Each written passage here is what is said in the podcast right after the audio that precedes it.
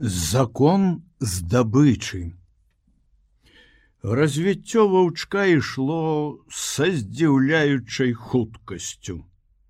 Дні два ён адпачываў а затым зноў выйшаў з пячоры. У гэтае сваё падарожжа ён знайшоў маладую ласку. Матка якой была з'едзена пры яго дапамозе і паклапаціўся, каб дзіцяня адправілася ўслед за маткаю. На гэты раз ён ужо не блукаў. Замарэўшыся, ён знайшоў дарогу да пячоры і лёг спаць.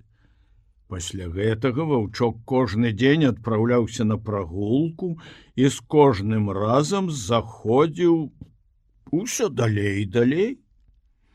Ён прывык дакладна сувымяраць сваю сілу і слабасць, разумеў, калі трэба было выявіць адвагу, а калі асцярожнасць. Выявілася, што асцярожнасць трэба захоўваць заўсёды, за выключэннем тых рэдкіх момантаў, калі ўпэўненасць ва ўласных сілах дазваляе даць волю злосці і прагнасці. Варта было ваўчку наскочыць на курапатку, якая зазявалася. Я нарабіўся злосным як чорт. Таксама не выпускаў ён выпадку злосна зарыкаць на траскатню вавёркі, на якую ён натрапіў упершыню каля засохлай хвоі. І адзін толькі выгляд птушки, якая дзеўбанула яго тады ў нос, амаль нязменна выклікаў у ім шаленства. Але былі хвіліны, калі ваўчок не звяртаў увагі нават на гэтую птушку і гэта здаралася ў той час, калі ён адчуваў, што яму пагражае напад іншых драпежнікаў, якія таксама як і ён вышукваюць мяса. Ваўчок не забыў ястраба, і убачыўшы яго цень, што слізгаў па траве хаваўся як мага далей у кусты. Лапы яго больш не раз'язджаліся на хаду ў розныя бакі. Ваўчок ужо пераняў ад маткі яе лёгкую бясшумную хаду, абманлівая хуткасць якой была непрыкметна для вока. Што датычыцца дзічыны, то ўдачы яго, скончыліся з першым жа днём. Сем птушанят курапаткі і маленькая ласка вось і ўся здабыча ваўчка.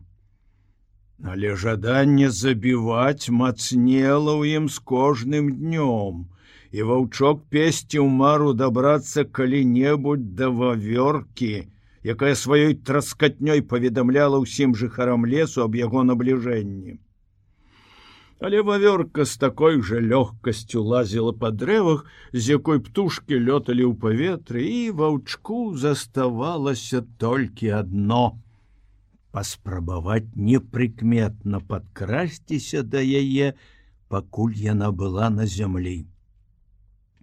Ваўчок надзвычай паважаў сваю матку.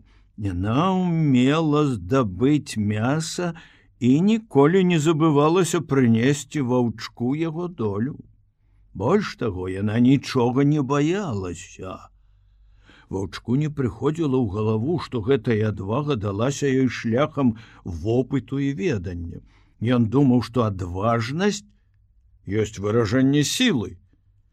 Маці была ўвасабленнем такой сілы.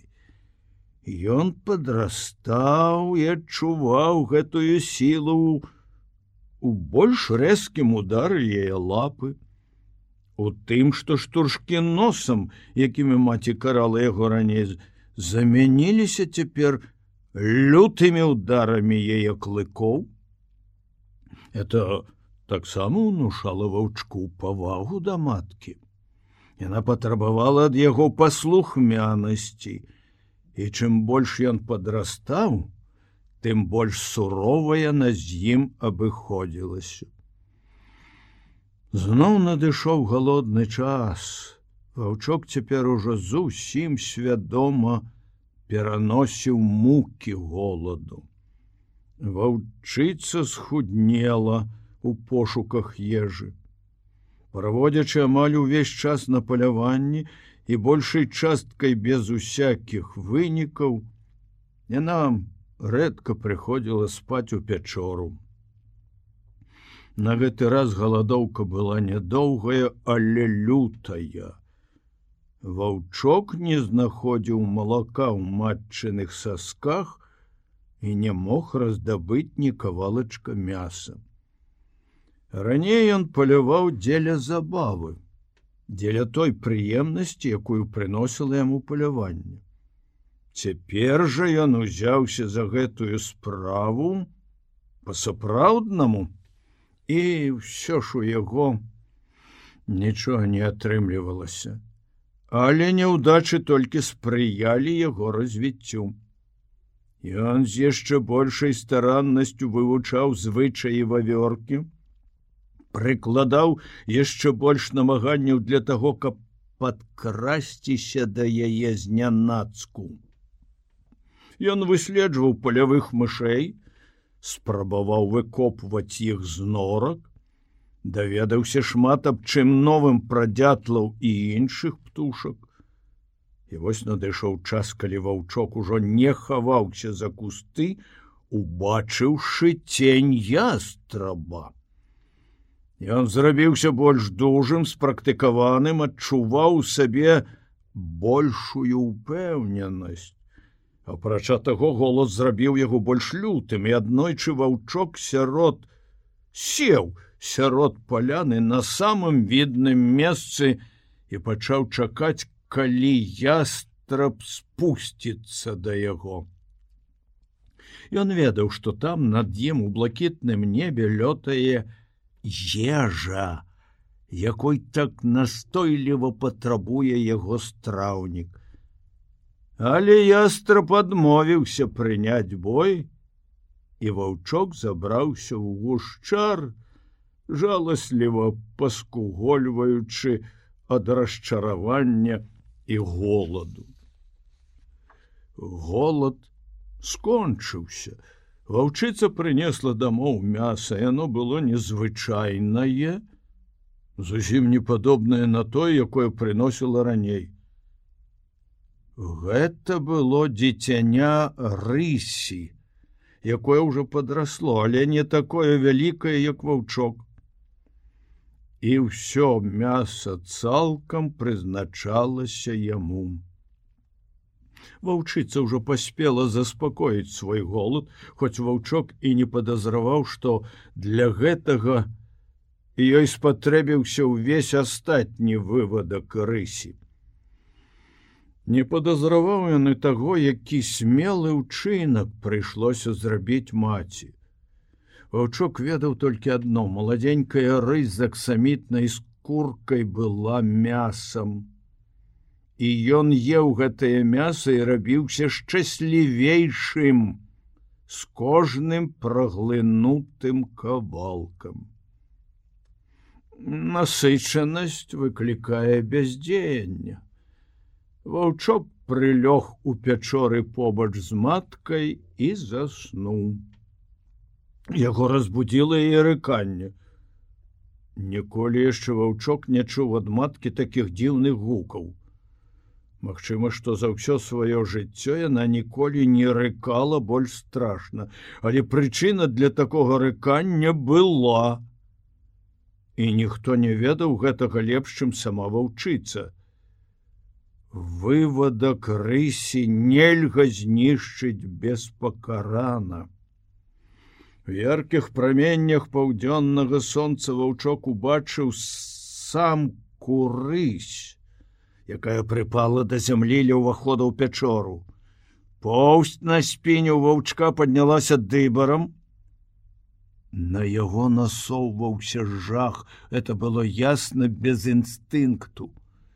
І калі нават выгляд рысі быў недастаткова страшны, то раз'юшанае выццё, якое пачулася, раптам перайшоўшы ад рыку да хрыплага віску гаварыла само за сябе.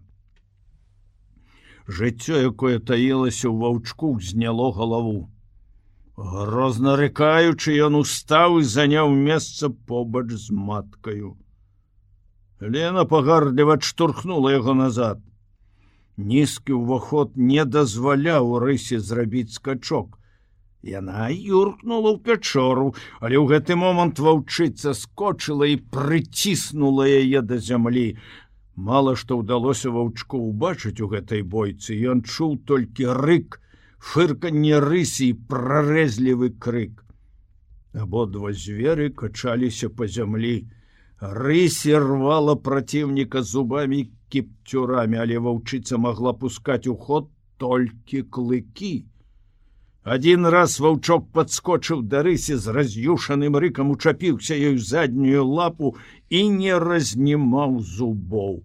Цяжарам свайго цела ваўчок сам таго не падазраючы перашкаджаў рухам рысі і дапамагаў матцы, але хутка барацьба набыла новы кірунак абодва зверы падмялі под сябе ваўчка і яму прыйшлося выпусціць лапу рысі наступную хвіліну абедзве маткі адскочылі адна ад другой перш чым зноў сашчапіцца з ваўчыцай рысь ударыла ваўчка сваёй магутнай лапай разарваўшы яму плячо да самай косці і адкінула яго да сцяны Прарэзлівы крык параненага і перапалоханага ваўчка далучыўся да выцця раз'юшаных звяроў.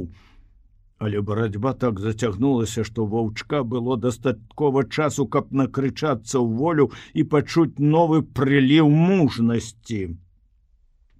Пад канец бітвы, ярасна рыкаючы, прасціснутыя пашчэнкі, Ён зноў чапіўся ў заднюю лапу рысі.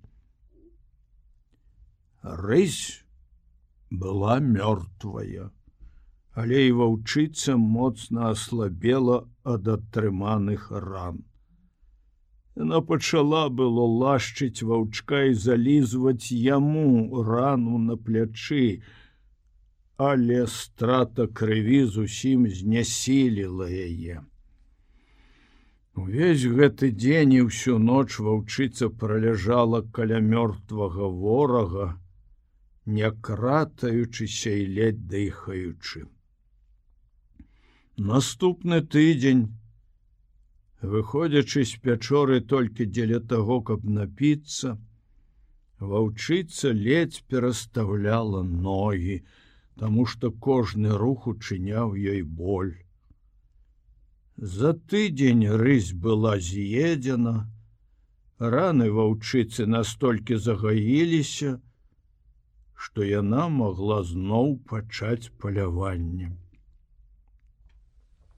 Плячо ў ваўчка ўсё яшчэ балела. Ён хадзіў пакульгваючы, пакуль страшная рана не загаілася. Але свет за гэты час неяк змяніўся. Ваўчок трымаўся з ім з большай упэўненасцю, з пачуццём гонару, якога не адчуваў да бойкі з рыссю. Яго адносіны да свету былі цяпер больш суровымі.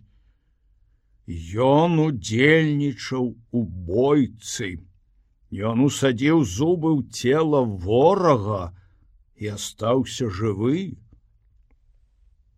Таму ваўчок трымаўся цяпер смела і нават задзірыста, чаго раней не было. Ён уже не баяўся дробных звяркоў і амаль перастаў палохацца, хоць невядомае не пераставала прыгнятаць яго. Ваўчок пачаў хадзіць разам з ваўчыцай на паляванне. Шмат разоў бачыў, як яна забівае дзічыну і сам, прымаў удзел у гэтым. Гучок неясна пачаў разумець закон здабычы.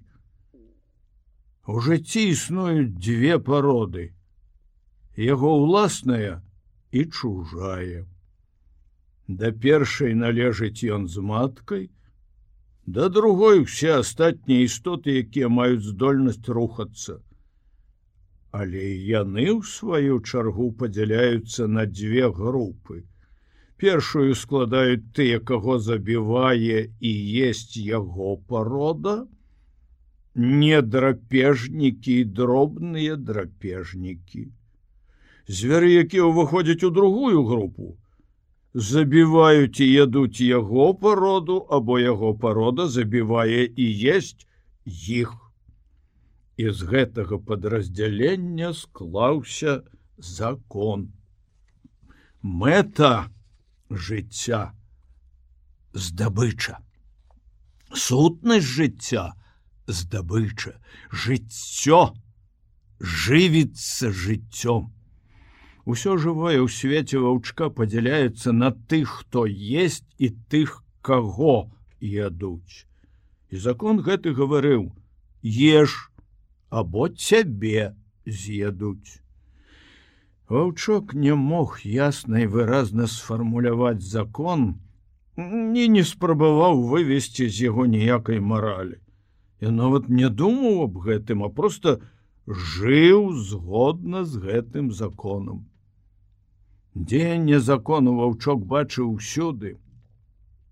Ён з'еў птушанят курапаткі.